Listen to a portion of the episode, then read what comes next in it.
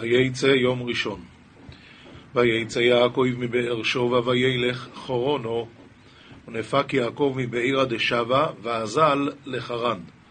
אומר רש"י, ויצא יעקב על ידי שבשביל שרעות בנות כנען בעיני יצחק אביו, הלך עשיו אל ישמעאל, כמו שכתוב בסוף הפרשה הקודמת, הפסיק העניין בפרשתו של יעקב, וכתיב, וירא עשיו כי ברך, ומשגמר, חזר לעניין הראשון. וייצא, לא היה צריך לכתוב אלא וילך יעקב חרנה. ולמה הזכיר יציאתו? אלא, מגיד שיציאת צדיק מן המקום עושה רושם, שבזמן שהצדיק בעיר, הוא הודה, הוא זיווה, הוא הדרה. יצא משם, פנה הודה, פנה זיווה, פנה הדרה. וכן, ותצא מן המקום האמור בנעמי ורות. וכן ותצא מן המקום, אז מה ותצא? הכוונה שהיא הייתה הפנינה של המקום, וברגע שהיא עזבה, אז פנה זיווה, פנה ההודה, פנה הדרה. נכון.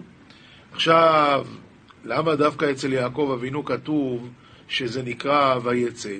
למה אצל אברהם אבינו לא כתוב כשהוא עזב את ארץ ישראל, לא כתוב ויצא? למה לא כתוב את זה אצל יצחק? טוב, יצחק לא יצא, אבל על כל פנים בתוך ארץ ישראל הוא הלך. וישב יצחק בגרר. אלא, אמר פעם הרב שך, שזה שאברהם אבינו יצא, הוא היה עמוד החסד, הוא נתן לאנשים לאכול, עכשיו הוא הפסיק לתת. אז ברור שכולם הרגישו, זה לא חידוש. שיצחק אבינו יצא, אבל שיעקב אבינו יצא, מי זה היה יעקב? האברך הזה שיושב שם בפינה ולומד? מי מרגיש שהוא נמצא פה בכלל? אז הוא כן נמצא, הוא לא נמצא, מה נפקא מינה? אה, בא כתוב להגיד לך שכשיעקב, האברך הזה שיושב שם בפינה ולומד, כשהוא עוזב את העיר, פנה זיווה, פנה הודה, פנה הדרה. הסבר נוסף, יעקב אבינו יצא ועדיין נשארו יצחק ורבקה. הרי הוא הלך, אבל יצחק ורבקה נשארו, אז הייתי חושב, אז מה מרגישים?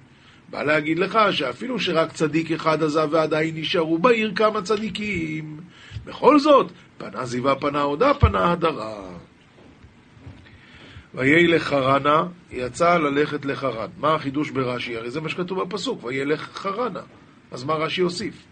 אלא אומר החידו, כתוב בגמרא, מה עדיף, קודם לשאת אישה או קודם ללמוד תורה? והגמרא מביאה ברייתות סותרות, והגמרא אומרת ככה, הלן והלהו. במקום שאפשר ללמוד אחרי החתונה, אז עדיף קודם לשאת אישה.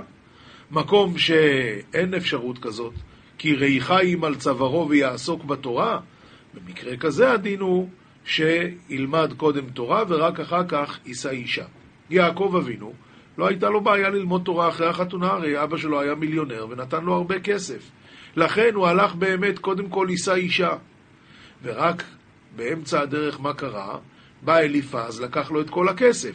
אז לא הייתה לו ברירה, והוא החליט קודם ללכת ללמוד תורה, ורק אחרי זה לישא אישה. בזה מוסבר, כתוב כאן, ויצא יעקב מבאר שבע וילך חרן, ואנחנו כולנו יודעים שהוא לא הלך לחרן, הוא הרי הלך לישיבת שם ועבר ללמוד 14 שנה. אז זה כמו שאני אגיד, תשמעו, אני נוסע עכשיו לירושלים, רק בדרך אני נכנס לשדה התעופה ואני נוסע לארצות הברית 14 שנה, אני חוזר, ישר ממשיך לירושלים. זה נקרא שנסעת לירושלים? אז מה זה וילך חרנה? לכן אומר רש"י, כשהוא יצא, הוא יצא ללכת לחרן. למה? כי עדיין היה לו כסף, הוא חשב שהוא יוכל ללמוד גם אחרי החתונה, אז למה שלא יישא אישה קודם? אה, אבל אחר כך שבא אליפז ולקח לו את הכסף, עכשיו לא הייתה לו ברירה, הוא נאלץ קודם כל ללכת ללמוד תורה 14 שנה, ורק אחר כך ללכת לחרן כדי לישא אישה. ויפגע במוקוים ויולן שום כבוא השמש ויקח מאבני המוקוים ויוסם מרש ויסוב וישכב במוקוים ההוא וערה באתרה ובת תמן הרי על שימשה ונסיב מאבני אתרה ושב ואיסדוי ושכיב באתרה ההוא רש"י ויפגע במקום לא הזכיר הכתוב באיזה מקום אז מה, אז מה זה ויפגע במקום? אלא הכוונה במקום הנזכר במקום אחר, והוא הר המוריה, שנאמר בו, וירא את המקום מרחוק אצל אברהם אבינו בעקידת יצחק. ויפגע במקום, כמו הוא פגע ביריחו, הוא פגע בדבשת, והכוונה שהוא הגיע לשם. ורבותינו פירשו לשון תפילה. מה זה תפילה? מה זה קשור לפגיעה? התשובה היא כתוב בפירוש, אל תפגע בי. ולמדנו שמה קרה כאן? אצלנו שכתוב ויפגע במקום, הכוונה, למדנו שתיקן תפילת ערבית, ושנה הכתוב ולא כתב, ושינה הכתוב ולא כתב ויתפלל אלא ויפגע, ללמדך שקפצה לו הדרך, הארץ. כמו שמפורש בפרק גיד הנשם. כי בא השמש, היה לו לכתוב ויבוא השמש וילן שם. מה זה כי בא השמש? אלא ששקעה לו חמה פתאום שלא בעונתה כדי שילין שם. הקדוש ברוך הוא אמר, צדיק זה בא לבית מלוני וייפטר בלא לינה, אז מילא הוא השקיע את השמש כדי שיישאר לשכב שם ולישון שם. וישם מראשותיו, עשאן כמין מרזב סביב לראשו, שירא מפני חיות רעות. התחילו מריבות זו עם זו. זאת אומרת, עלי יניח צדיק את ראשו, וזאת אומרת, עלי יניח. מיד עשאן הקדוש ברוך הוא אבן אחת, וזהו שנאמר, ויקח את האבן אשר שם מראשותיו. כל האבנים רצו לשמש את יעקב אבינו, וכל אחת רצתה להיות להיות תחת ראשו, אז הקדוש ברוך הוא עשה מהם אבן אחת. מה זה עשאן כמין מרזב סביב לראשו, ומה אם האחיות יאכלו לו את הרגל, אז לא, לא שווה, לא משנה. התשובה היא, כך כתוב במפרשים של רש"י, שהכוונה מרזב זה הכוונה כמו ה... מה שיש סביב הגג, כדי לקלוט את המים. זה נקרא המרזב, ואחר כך יש את הצינור שמוריד את כל המים האלה למטה. אבל באמת כאן מה שכתוב שהוא עשה מרזב סביב ראשו, הכוונה, הוא עשה ריבוע של האבנים, וסביב ראשו הוא עשה עוד כזה פס של אבנים. אבל בוודאי שכל הגוף שלו היה מוקף. וישכב במקום ההוא לשון מיעוט באותו מקום שכב, אבל י"ד שנים ששימש, בשם ו... ששימש בבית עבר, לא שכב בלילה, שהיה עוסק בתורה. זאת אומרת, האם היה נרדם, היה נרדם ככה על הסטנדר, אבל לא שהיה הולך לישון במיטה. אחרי 14 שנה, סוף סוף הוא הלך לישון במיטה. במיטה גם כן, הוא הלך על הרצפה לישון. והיה חלוים והנה סולום מוצוב ארצו וראשוי מגיע השומו עמו והנה מלאכי אלוהים אוילים ויורדים בוי וחלם והסולמה נעיץ בהרעה ורישי מתי עד צית שמיא והמלאכה ידע אדוינוי סלקין ונחתין בי רש"י עולים ויורדים עולים תחילה ואחר כך יורדים מלאכים שליוו בארץ אין יוצאים חוץ לארץ, ועלו לרקיע. וירדו מלאכי חוץ לארץ ללוותו. נו, אז בינתיים הוא נשאר בלי שמירה. התשובה היא, זה הפסוק הבא, והנה השם ניצב עליו. אומר רש"י, ניצב עליו לשומרו. אבל המפרשים שואלים, מה זה, והנה מלאכי אלוקים עולים ויורדים. למה קודם הם עולים ואחרי זה יורדים? אז כמו פירוש רש"י, זה בסדר גמור, זה מלאכי ארץ ישראל, אז הם עולים, אלה מלאכי חוץ לארץ יורדים. אבל יש מפרשים שאומרים פשוט, נכנס רב לאיזה שמחה, מה אומרים לו? אה, בבקשה, מזרח. מתברר שהמזרח הזה, הוא בכלל נמצא בצפון. אז למה קוראים לזה מזרח? איפה שהרבנים יושבים, שם זה המזרח. ככה זה הולך. איפה זה למעלה? אתה אומר ככה, נכון? מי אמר? למעלה זה שם, בתנאי שהשם נמצא שם. אם השם פה, אז פה זה הלמעלה. ממילא, עכשיו הרי השם ניצב עליו לשומרו, זאת אומרת שהשכינה ירדה פה למטה. אם השכינה פה למטה, אז מלאכי אלוקים עולים ויורדים. למה? כי השכינה נמצאת פה. נפלא מאוד. והנה אדוני ניצב עולו, ניצוב עולו ויאמר אני אדוני אלוהי אברהם אביכו ואלוהי יצחוק אורץ אשר התושיכי ועולה הולכו אתננו לזרעךו והיקר עד אדוני מעתד אילבוי ואמר אנא אדוני אלוהי דאברהם אבוך ואלוהי דיצחק ארעא דיעת שרי עלה לך את נינה ולבנך. רש"י, ניצב עליו לשומרו. ואלוקי יצחק, אף על פי שלא מצינו במקרא שייחד הקדוש ברוך הוא שמו על הצדיקים בחייהם. לכתוב אלוקי פלוני, אף פעם לא, רק אחרי שמתים. משום שנאמר, אין בקדושיו, לא יאמין. השם לא, לא נותן אמון באף אחד, כל אחד יכול להתקלקל. אבל כאן ייחד שמו על יצחק, לפי שקראו עיניו וכלו בבית, והרי הוא כמת. ויצר הרע פסק ממנו. זאת אומרת, העיוור, כיוון שהוא לא רואה, אז כבר יש לו שמירה עצומה. חוץ מזה הוא כלוא בתוך הבית, אז ממילא שוב פעם שמירה עצומה. אז על אדם כזה הקדוש ברוך הוא משרה את שכינתו אפילו בחייו, ולכן אפשר היה להגיד אלוקי יצחק למרות שיצחק עדיין חי. שוכב עליה, הארץ אשר אתה שוכב עליה, לך אתננה ולזרעך, אז מה, רק את המקום הקטנצ'יק הזה? אומר רש"י, לא, קיפל הקדוש ברוך הוא כל ארץ ישראל תחתיו. רמז לו שתהנוכה להיכבש לבניו. ואויו זרעכו כעפר אורץ ופורצתו יומו וקדמו וצופוינו ונג בו ונברחו וכו כל משפחו ישוא אדומו ובזרעכו ויהון בנח סגיין כאפרא דארעה ותתקף למערבה ולמדינך ולציפונה ולדרומה ויתברכון בדילך כל זרעיית הרעה ובדיל בנח.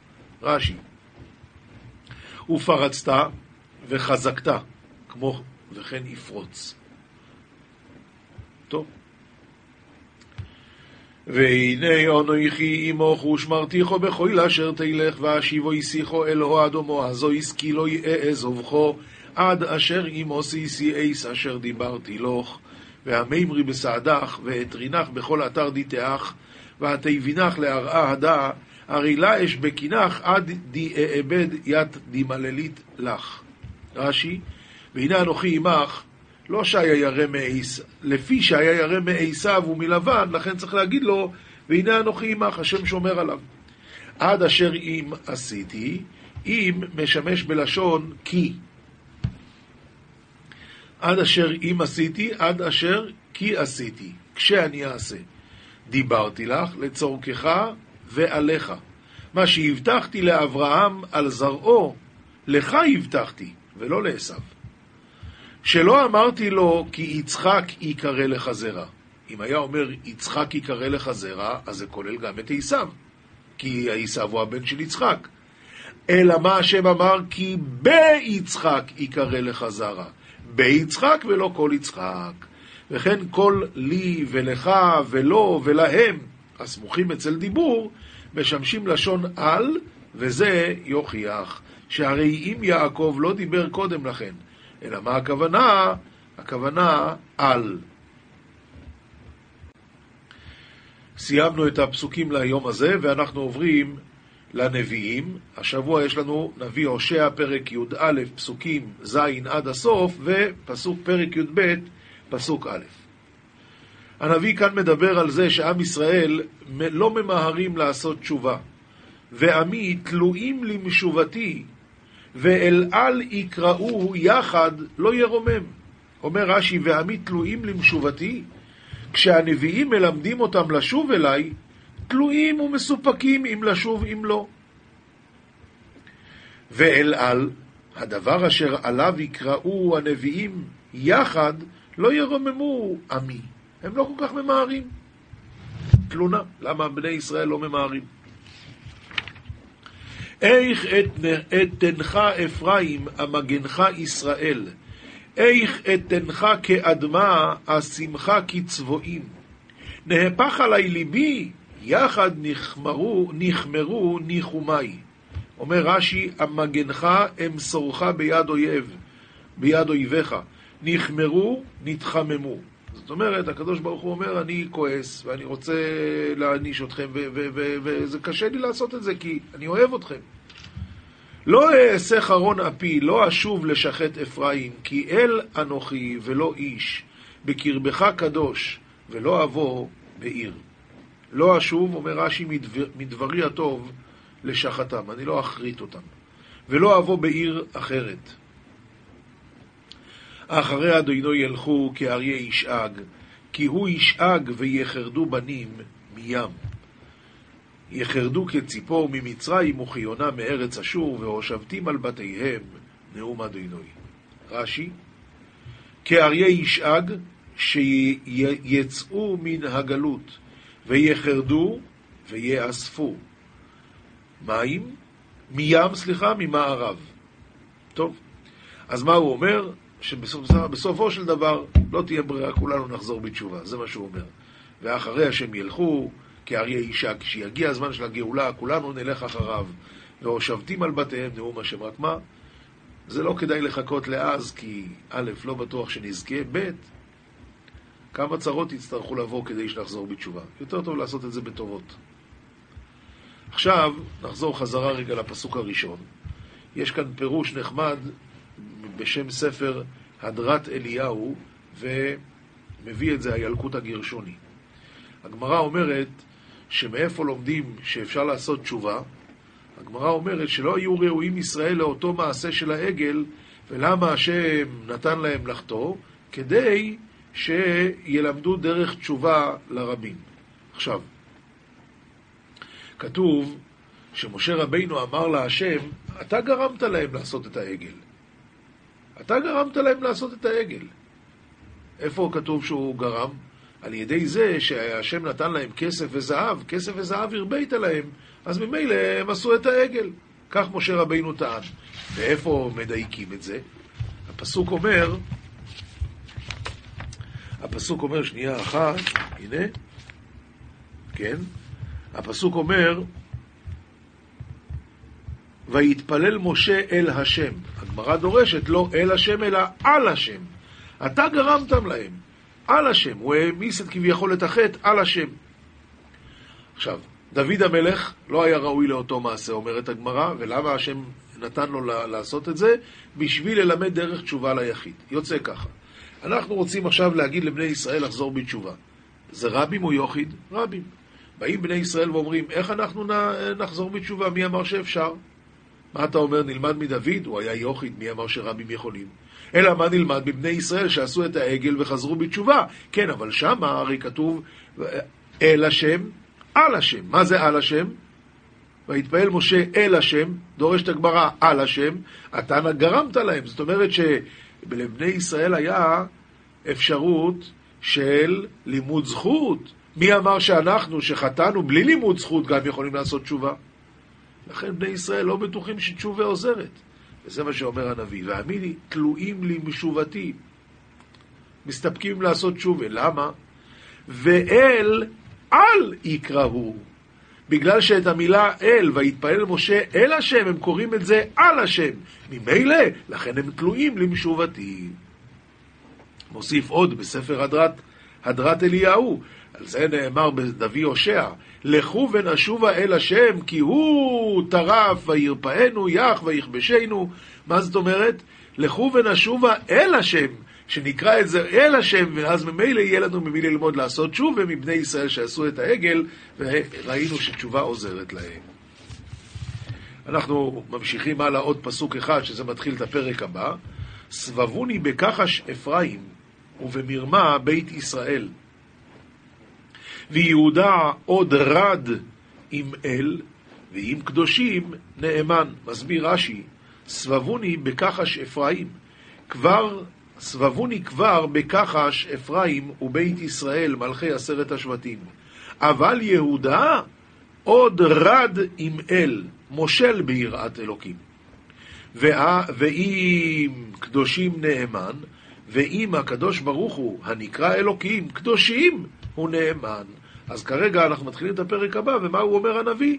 אפרים וכל עשרת השבטים ירדו כבר מהפסים, לא בסדר. אבל יהודה עדיין הולך עם השם, ככה הוא מתחיל. עכשיו, בספר דרושי הצלח של רבינו הקדוש, השאגס אריה, אומר, מה זה סבבוני בכחש אפרים? הוא אומר כביכול, השם אוהב אותנו מאוד. אפילו בן אדם עושה עבירה, ונברא מזה מלאך, והמלאך בא לקטרג, אז מה השם עושה? כביכול מפנה את ראשו לצד השני, לא רוצה לשמוע. אבל מה עושים אם האדם עשה כל כך הרבה עבירות? אז מלא, מלא מלאכים רעים נבראו, ומה הם עושים? הם באים עושים, מסביב להשם, אז ממילא מה יוצא? שהשם אין לו לאן? אה, סבבוני בכחש אפרים ובמרמה בית ישראל. אז אין ברירה, חייבים להתייחס למלאכים הרעים האלה. אז לכן המסקנה היא שגם אם בן אדם חס וחלילה עושה עבירה, מיד יעשה תשובה. אנחנו במשלי, פרק ו', פסוק י"ז.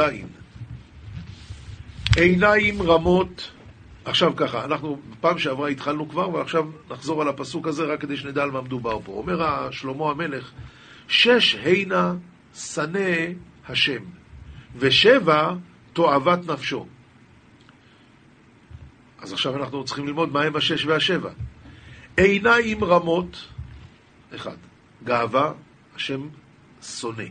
לשון שקר, שונא.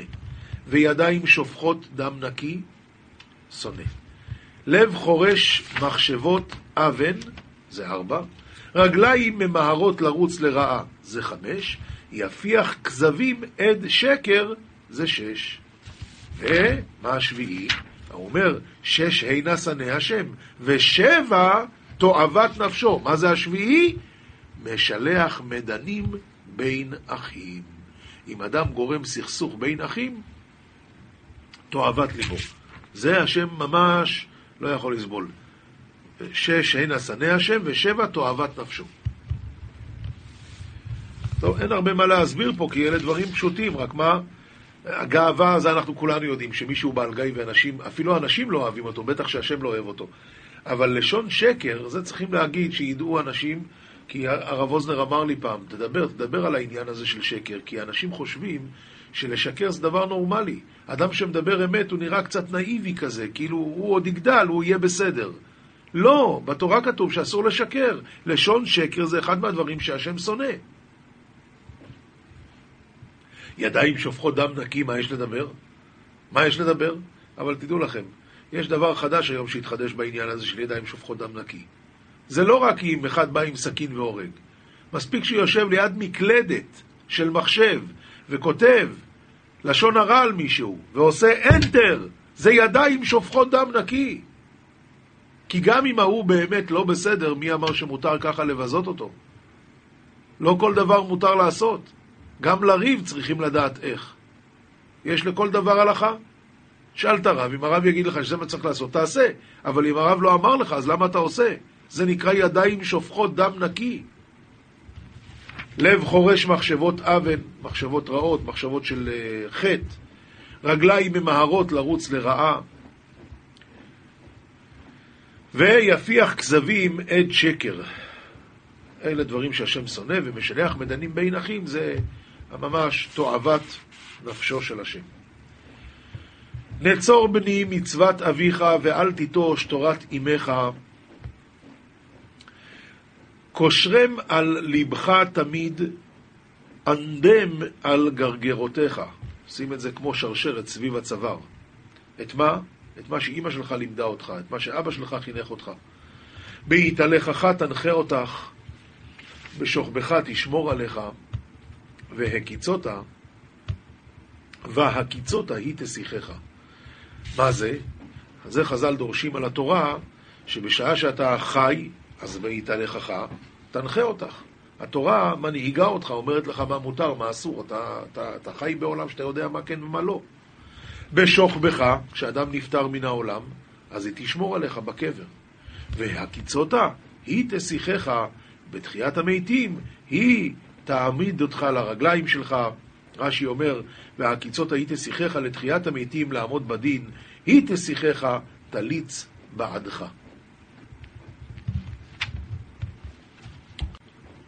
אנחנו עוברים למסכת ברכות, פרק ז'. שלושה שאכלו כאחד חייבים לזמן. אומר רש"י, מה זה לזמן לי, סליחה, הרב רבינו עובדיה מברטנורה, להזדמן יחד, לברך בלשון רבים, נברך שאכלנו משלו. זה הכל, כשהכל בסדר. מה הדין אם אחד אכל דברים שאנחנו מסופקים לגבי הכשרות שלהם? אומרת המשנה, אכל דמאי, דמאי זה פירות שנקנו מעם הארץ. רוב עמי הארץ אומנם מעשרים, אבל חלקם לא, ולכן דמאי אסור לאכול מדי רבנן, וצריכים להסר את זה. הוא אכל דמאי, או הוא אכל מעשר ראשון שנתלה תרומתו. מה זה תרומתו? תרומת מעשר שלו נתלה, אבל מדובר באדם שלקח את המעשר ראשון, הלוי הזה לקח את המעשר ראשון עוד לפני שנתנו לכהן את התרומה הגדולה. אז את התרומת מעשר הוא מפריש, אבל מה עם התרומה הגדולה?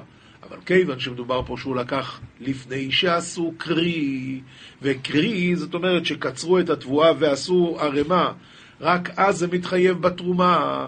לכן, תרומת מעשר הוא יפריש, ומה שהוא אכל זה בסדר, ואותו הדבר מעשר שני והקדש שנפדו. אז מה החידוש אם הם נפדו הכל בסדר? אין בזה קדושה, אז למה לא? התשובה היא מדובר פה שנפדו, אבל הוא היה צריך להוסיף חומש, ואת החומש הוא לא הוסיף. והשמש שאכל כזית גם כן מצטרף לזימון. והכותי, כותי, כל זמן שעדיין לא ידעו החכמים, לא גילו את זה שהם עובדי עבודה זרה, אז היה מותר לזמן עליהם. בקיצור, כל אלה מצטרפים לזימון. אבל, אומרת המשנה, אכל תבל, שזה ממש מיתה בידי שמיים. זה איסור גמור. ומעשה ראשון שלא נתלה תרומתו, מדובר פה שהלוי לקח את, ה, את המעשר ראשון מהשדה אחרי שהיה קריב, וזה התחייב כבר בתרומה גדולה, ולא נתלה תרומתו. אז uh, זה איסור גמור. ומעשר שני והקדש שלא נפדו, אומר הרב, שלא נפדו צריכים להגיד, אם זה לא נפדו אז בטח שאסור. אלא שנפדו, אבל לא נפדו כהלכתן, כגון שפדה מעשר שני בגרוטאות של כסף או במטבע שאין עליו צורה, ורחמנה אמר, הקדוש ברוך הוא אמר בתורה, וצרת הכסף. מה זה צרת? דווקא דבר שיש בו צורה. אז ממילא לא נפדו כמו שצריך. והשמה שאכל פחות מכזית, והנוכרי גוי גמור, בוודאי שאין מזמנים עליהם.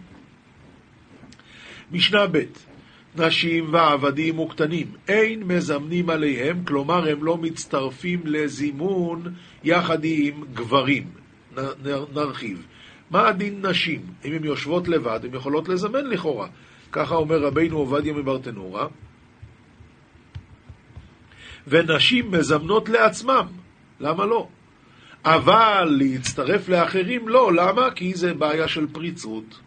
אותו הדבר אומר אה, לגבי עבדים, גם כן, למה שלא יזמנו לעצמם? שיזמנו, אבל הם לא מצטרפים עם אחרים. וקטנים, אבל, אומר רבינו עובדיה מברטנורה, קטן היודע למי מברכים, מזמנים עליו. זו דעה אחת. ואי כמרה בבתה, כלומר מרבותינו, דאמרי דלא אמרו קטן היודע למי מברכים, מזמנים עליו, אלא בבן 13 שנה ויום אחד שלא הביא שתי שערות, והוא הנקרא קטן פורח. אבל בבציר מאחי אין מזמנים עליו. אז זה מחלוקת. רבי יהודה אומר, עכשיו ככה, עד כמה מזמנים? כלומר, מה המינימום שאדם צריך לאכול כדי שיוכלו לזמן עליו? התשובה היא עד כזית. לפחות כזית צריכים לאכול. רבי יהודה אומר, עד כביצה והאין הלכה כרבי יהודה. סליחה, כן, כן, כן. וכן הלכה שזה עד כזית ולא כרבי יהודה. משנה ג' כיצד מזמנין? אז ככה, בשלושה אומר, נברך אלוקינו. בשלושה והוא, כלומר יש ארבעה, והוא המזמן, אומר, ברכו. אתם תברכו. בעשרה אומר, נברך לאלוקינו. בעשרה והוא, אומר, ברכו. אחד עשרה ואחד עשרה ריבו, במאה, אחד עשרה ואחד עשרה ריבו. מה הדין? אומר תמיד אותו הדבר. אומר רש"י, אחרי, שהמשנה הזאת זה לפי רבי עקיבא דאמר מה מצינו בבית הכנסת משהגיעו לעשרה, כלומר יש עשרה אנשים או שיש עשרת אלפים אנשים, יש הבדל? לא, תמיד מה אומרים? ברכו את השם המבורך. אז אותו הדבר גם בברכת המזון, עשרה ריבו זה אותו דבר.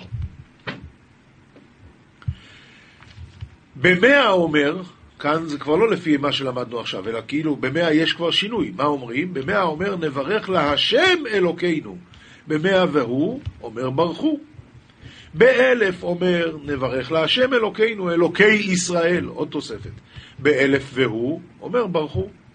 בריבו אומר נברך להשם אלוקינו, אלוקי ישראל, אלוקי הצבקות, יושב הכרובים על המזון שאכלנו.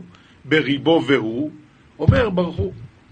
כעניין שהוא מברך, כך עונים אחריו. אם הוא אמר, נברך אלוקינו, אז הם צריכים להגיד, ברוך אלוקינו. ברוך השם אלוקינו, אלוקי ישראל, אלוקי הצבקות, יושב הקרובים, על המזון שאכלנו. אם מדובר לפי הדעה הזאת, שבריבו הוא אומר את כל הנוסח הזה, אז גם כשהם עונים הם צריכים להגיד את כל הנוסח הזה. רבי יוסי אגלי אומר, לפי רוב הקהל הם מברכים, שנאמר במקהלות ברכו אלוקים. במקהלות ברכו אלוקים, השם ממקור ישראל, אמר רבי עקיבא, מה מצינו בבית הכנסת? אחד מרובים ואחד מועטין אומר ברכו את השם. רבי ישמעאל אומר ברכו את השם המבורך, אבל על כל פנים לא משנים מהנוסח, וככה ההלכה שעד עשרה. עשרה אומרים אלוקינו, וזהו. אחרי זה, גם אם יהיה מאה או עשרת אלפים, תמיד נשארים עם אותו נוסח, וגם בבית הכנסת אומרים ברוך השם, ברכו את השם המבורך. משנה ד', שלושה שאכלו כאחד, אז חל עליהם חובת זימון, אז אין רשאים להיחלק. אז עכשיו אסור שכל אחד ילך למקום אחר. לא, כל, צריכים לברך ביחד. וכן ארבעה וכן חמישה, אבל שישה כבר נחלקים. למה? כי כבר יש שלושה ושלושה.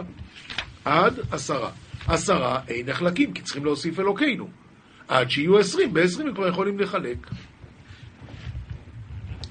משנה ה' שתי חבורות שהיו אוכלות בבית אחד, בזמן שמקצתן רואים אילו את אילו, אז מה הדין? הרי אלו מצטרפים לזימון, ואם לאו, אילו מזמנים לעצמם ואילו מזמנים לעצמם. אין מברכים על היין עד שייתן לתוכו מים, זה הלכה נפרדת כאן. היין שהם היו עושים היה יין חזק מאוד, שהיה סכנת נפשות לשתות אותו. ולכן אין מברכים על היין עד שייתן לתוכו מים. דברי רבי אליעזר. וחכמים אומרים, מברכים.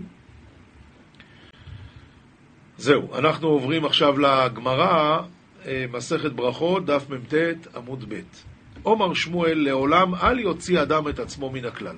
הרי למדנו שבשלושה והוא יגיד ברכו. לא כדאי. אל תוציא את עצמך מן הכלל, כאילו אתם תברכו. אמר שמואל, לעולם אל יוציא אדם עצמו מן הכלל, אומר רש"י, אף על פי שבארבעה הוא רשאי לומר לשלושה ברכו. בכל זאת טוב לו שיאמר נברך ואל יוציא עצמו מכלל המברכים. נן, בשלושה והוא אומר ברכו, כך למדנו במשנה מקודם. אז אומרת הגמרא, אימה, אף ברכו. לא הכוונה דווקא שחייב להגיד ברכו, אלא מותר לו להגיד ברכו, אבל יותר טוב שיגיד נברך. ומכל מקום נברך, עדיף דאמר עבדה בר אהבה, אמרי בי רב, תנינה, שישה נחלקים, עד עשרה. ועכשיו מדייקת הגמרא. היא אמרת בישלמה נברך עדיף, משום אחי נחלקים, כדי שהוא יהיה בתוך השלושה, והוא לא יגיד להם ברכו, אלא הוא יגיד נברך. אלא היא אמרת ברכו עדיף. אז המאי נחלקין? יותר טוב שיהיה ארבעה או, או חמישה, והוא יגיד להם ברכו, או אפילו שישה. אלא לאו שמע מינה, נברך עדיף שמע מינה. תניא נמי אחי, בין שאמר ברכו, בין שאמר נברך, אין תופסים אותו על כך. זה בסדר. והנקדנין, אלה שהם ככה, רש, רש"י אומר, נקדנין זה דווקנין, תופסים אותו. על שהוציא את עצמו מן הכלל. הנקדנים תופסים אותו על כך, ותדע לך, מברכותיו של אדם ניכר אם תלמיד חכם הוא עם לאו. כיצד? איך רואים אם הוא תלמיד חכם או לא? רבי אומר, ובטובו, אם אדם אומר, ובטובו חיינו, אז הרי זה תלמיד חכם.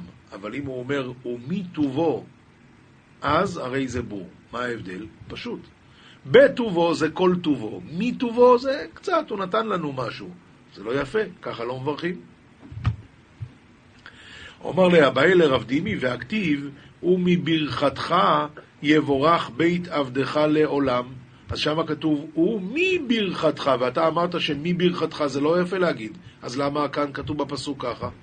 התשובה היא, בשאלה, כשמבקשים, אתה מבקש מהשם, אז תבקש מברכתך. אבל כשאתה מודה, תודה על כל הברכה. בשאלה, ש... שייני, ככה עונה הגמרא, שואלת על זה הגמרא, בשאלה נמי, הכתיב הרחב פיך ואמלאהו, רואים שגם לבקש צריך לבקש ברווח. עונה הגמרא, ההוא בדברי תורה כתיב. זה מדובר בתורה, בתורה תבקש הכל. תניא רבי אומר, בטובו חיינו הרי זה תלמיד חכם. אבל אם הוא אומר בטובו חיים, הרי זה בור. למה? אומר רש"י, חיים הרי זה בור, דהוציא את עצמו מן הכלל. הם חיים. ומה איתך? נהר בלאי מתני איפך. נהר בלאי זה שם של חכם, הוא לומד הפוך. שאם הוא אומר חיים זה יותר טוב. למה? כי אז הוא מוסיף את כל באי העולם, לא רק את האנשים שאכלו עכשיו, אלא ובטובו חיים כולם. ולית הלכתה כנהר בלוי. אמר רבי יוחנן, נברך שאכלנו משלו, הרי זה תלמיד חכם. נברך למי שאכלנו משלו, הרי זה בור. למה? אומר רש"י, נברך שאכלנו משלו, אז משמע שהוא יחידי, שהכל אוכלים משלו. אבל אם הוא אומר למי שאכלנו משלו, אז משמע מרובין הן. כלומר, גם הקדוש ברוך הוא וגם הבעל הבית. הן זה זן את זה, וזה זן את זה. ולפי דבריו מברך את בעל הבית. אומר לרבח אברי דרו ולרבשי, ואמרינן למי שעשה לאבותינו ולנו את כל הניסים האלו. הנה אתה רואה שאומרים למי את הנוסח הזה. אומר רבי יוחנן, סליחה, עונה הגמרא, אמר לי, הטה מוכחה מילתא.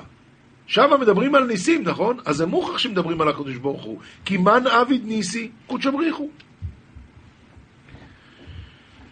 אומר רבי יוחנן, ברוך שאכלנו משלו, הרי זה תלמיד חכם. אבל אם הוא אומר ברוך על המזון שאכלנו, הרי זה בור. עומר רב הונא ברי דרב יהושע לא אמרן, כל מה שאמרנו לא אמרן אלא בשלושה דלי כשם שמיים, אבל בעשרה דהי כשם שמיים, אז בכל מקרה מוכיח מילתא שהוא מברך את השם. כדתנן, כעניין שהוא מברך, כך עונים אחריו. ברוך השם אלוקי ישראל, אלוקי הצבקות, יושב הקרובים, על המזון שאכלנו. אז רואים שאם כבר מזכירים את שם השם, אז הנוסח הוא בסדר. זוהר, פרשת וייצא דף קנ, עמוד ב'. רבי חייא פתח כתיב ואמר דברי עוונות גברו מני פשענו אתה תכפרם. כך כתוב בפסוק בתהילים, פרק מ"ה. אה, סליחה, פרק ס"ה. אומרת הגמרא, אומר הזוהר, האי קרא קשיא. הפסוק הזה הוא קשה. דלאו סיפיה רישיה ולאו רישיה סיפיה. ההתחלה לא מתאימה לסוף, הסוף לא מתאים להתחלה. למה? הוא מדבר בהתחלה בלשון יחיד. דברי עוונות גברו מני. ממשיך הלאה, פשענו אתה תכפרם. אז הוא מדבר בלשון רבים. אז איך זה יכול להיות בהתחלה לשון יחיד ובסוף לשון רבים? אלא, דוד בואה על גרמי ולבטר בא על כולה. בהתחלה הוא ביקש על עצמו ואחרי זה על כל העולם כולו. דברי עוונות גברו מני, אמר דוד, אנא ידענה בגרמי דכבנה, אני יודע על עצמי שאני לא בסדר. אבל כמה חייבין אינון בעלמא דהתגברו חוביו עליו יתיר ממני. נכון, אבל יש בעולם יותר רשעים שהם עשו יותר עבירות ממני. הואיל וכן, לי ולהון פשענו אתה תכפרם. והואיל וככה, אז ריבונו של עולם גם לי וגם להם תכפר לכולנו. תוך חזי, בוא תראה, בשעת יד החייבין סגין בעלמא, בשעה שיש הרבה הרבה אה, רשעים בעולם, אינון סלקין עדהו אתר דספרי דחייביה התפתחו. הם עולים עד למקום שבו הספרים של הרשעים נפתחים.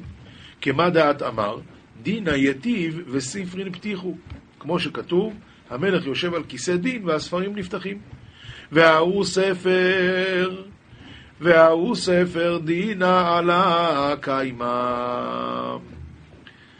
ואותו הספר של הדין היה פתוח למעלה מראשו של דוד. בגין כך, דברי עוונות גברו מני. לכן אמר דוד המלך, דברי עוונות גברו מני, הכוונה שהוא מעליו, והוא לא יכול להמתיק את הדינים האלה. ועל דעה, ולכן, פשענו אתה תכפרם.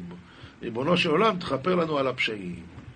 עכשיו, יעקב, כשהוא ברח מעשיו ופחד ממנו, יעקב כגב נדע, בגין כך לא האמין. יעקב, אותו הדבר, גם כן היה מפחד שמא הוא יחטא, בגין כך לא האמין, והוא לא האמין שהוא ינצל. אי תימא דלא האמין בקודשא בריחו? חס וחלילה הוא לא האמין בקדוש ברוך הוא? לא, זה אי אפשר להגיד, הוא לא מאמין בקדוש ברוך הוא. אלא דלא האמין בי בגרמי דילמה יחוב. מה הוא פחד? הוא פחד שמא הוא יחטא, וזה הוא פחד. וההוא חובה ימנע לי, והעוון הזה שהוא יחטא, ימנע ממנו דלא יטוב בשלב ואיסטלק נטורו מיני. הוא לא ישוב בשלום, וה... והשמירה של הקודש ברוך הוא תעזוב אותו, ובגין כך לא האמין בגרמי, ולכן הוא לא האמין בעצמו. ולכן מה הוא אמר? והיה השם לי לאלוקים, אפילו רחמי כדאית ובשלם, אשווי לקבלי לדינה. כשאני אשוב בשלום, אז אפילו את הרחמים אני אשים לפניי לדין. מה הכוונה? בגין דאנה פלח קמי תדיר. כי אני עובד לפני השם תמיד, אז ממילא גם הרחמים אני אשים לפניי לדין. זה העניין הזה של לשים את הרחמים לדין, זה עניין אה, של סודות, אז רק כתוב ככה. עומר רבי יחא, עומר יעקב, השתא לא הצטריכנה לדינה. עכשיו, שאני בדרך, אני לא צריך את מידת הדין, מספיק לי רק מידת הרחמים. כדאיתוב לבית אבא, יתקלילנה בדינה ויתקשרבי. אבל כשאני אשוב לבית אבי, אז אני אכנס גם עם מידת הדין ואני אתקשר איתה. אומר רבי יויסי, לאו אחי. לא.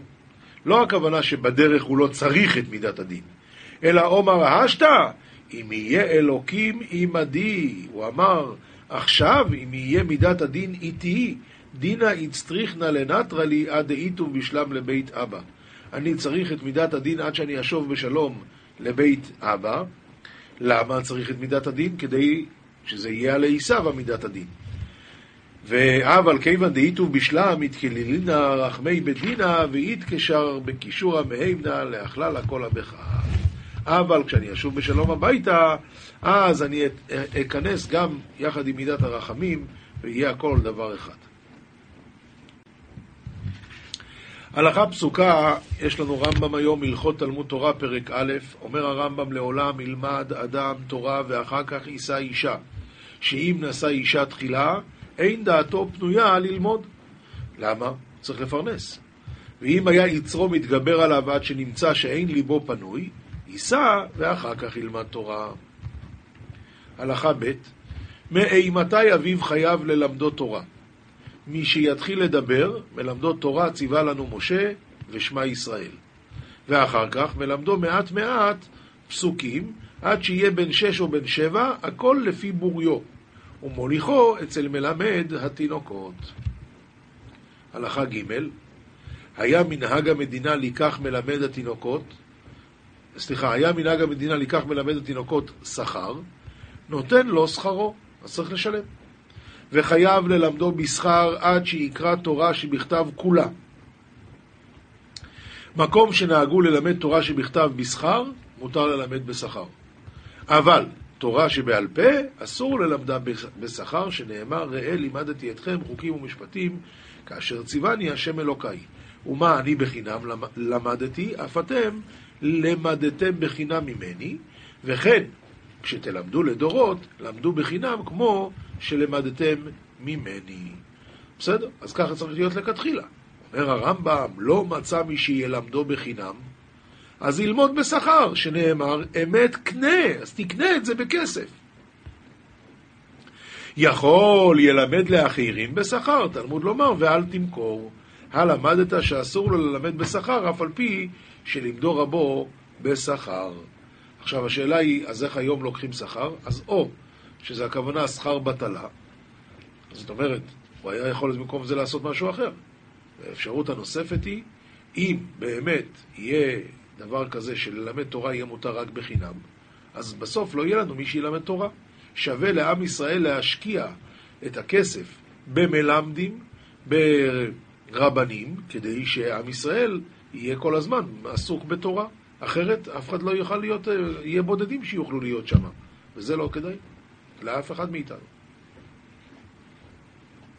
הלכה ד' כל איש מישראל חייב בתלמוד תורה בין עני, בין עשיר, בין שלם בגופו, בין בעל איסורים, בין בחור, בין שהיה זקן, גדול, שתשש כוחו. אפילו היה עני המתפרנס מן הצדקה ומחזר על הפתחים, ואפילו בעל אישה ובנים, אפילו בעל אישה ובנים, חייב לקבוע לו זמן לתלמוד תורה ביום ובלילה, שנאמר, והגית בו יומם ולילה. עכשיו מוסר מספר תפארת הקודש, דף ג' עמוד ב', כל הכועס, כל מיני גיהנום שולטים עליו, שנאמר, והסר כעס מלבך, והעבר רעה מבשרך, ואין רעה אלא גיהנום.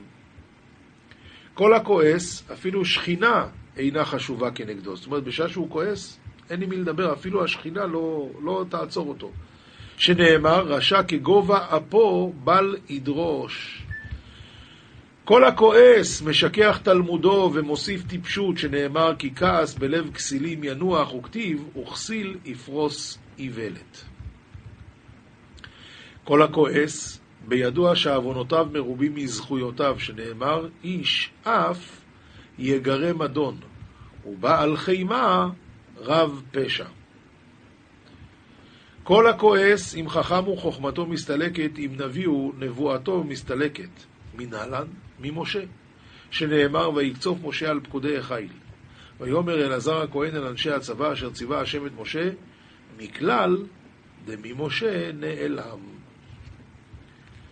מאיפה יודעים שנבואתו מסתלקת? נבואה מאלישע. תכתיב, לולי פני יהושפט מלך יהודה אני נושא, וגוימר, ועתה קחו לי מנגן. מה קרה? למה הוא היה צריך עכשיו מנגן? כי נבואתו הסתלקה. הוא היה צריך מנגן כדי להחזיר לו את הנבואה ותהי עליו יד השם. כל הכועס, אפילו פוסקים לו גדולה מן השמיים, מורידים אותו. מנהלן, מאליאב, שנאמר, וייחר אף אליאב, ויאמר, למה זה ירדת? ועל מי נטשת מעט הצאן? ההנה במדבר. וכתיב באליאב, אל תבט אל מראהו ואל גבה קומתו, כי מאסתיהו. רואים מפה, מכלל דעה ורחים עד העידנא. אז בהתחלה היה אהוב, ועכשיו השם מאס בו, בגלל שהוא כעס. והיה ראוי לגדולה, והורידו אותו. כל הכועס כאילו הדליק אש של גיהנום. כל הכועס כאילו עובד עבודה זרה, וזה לשון הזוהר, טורף נפשו באפו, אי הוא טריף ועקר נפשי בגין רוגזי. ואשרי בגבי אל זר, והוא אישרה אצלו אל זר, ועל דע, על זה נאמר, חידלו לכם מן האדם אשר נשמה באפו, כי במה נחשבו עבודה זרה יתחשב לי. במה נחשבו? לבר נש, אה, עבודה זרה יתחשב לי לבר נש, מאן דאשתאי בעדי כמאן דאיתחבר בעבודה זרה ממש. עד כדי כך מי שמדבר איתו, מתחבר אליו, כאילו מתחבר לעבודה זרה. מה היא טעמה? בגין דעבודה זרה ממש שריה בגבי, בשעה שהוא כועס זה ממש עבודה זרה. ולא עוד אלא דעקר קדושה הילאה מאתרי, הוא עוקר את הקדושה העליונה, ושריה באתרי עבודה זרה. אל זר, מה אל זר כתיב בי, אל תפנו אל האלילים, כגב אסור להסתכלו לי באפי עד כאן לשונו, אסור אפילו להסתכל על אדם בשעה שהוא כועס.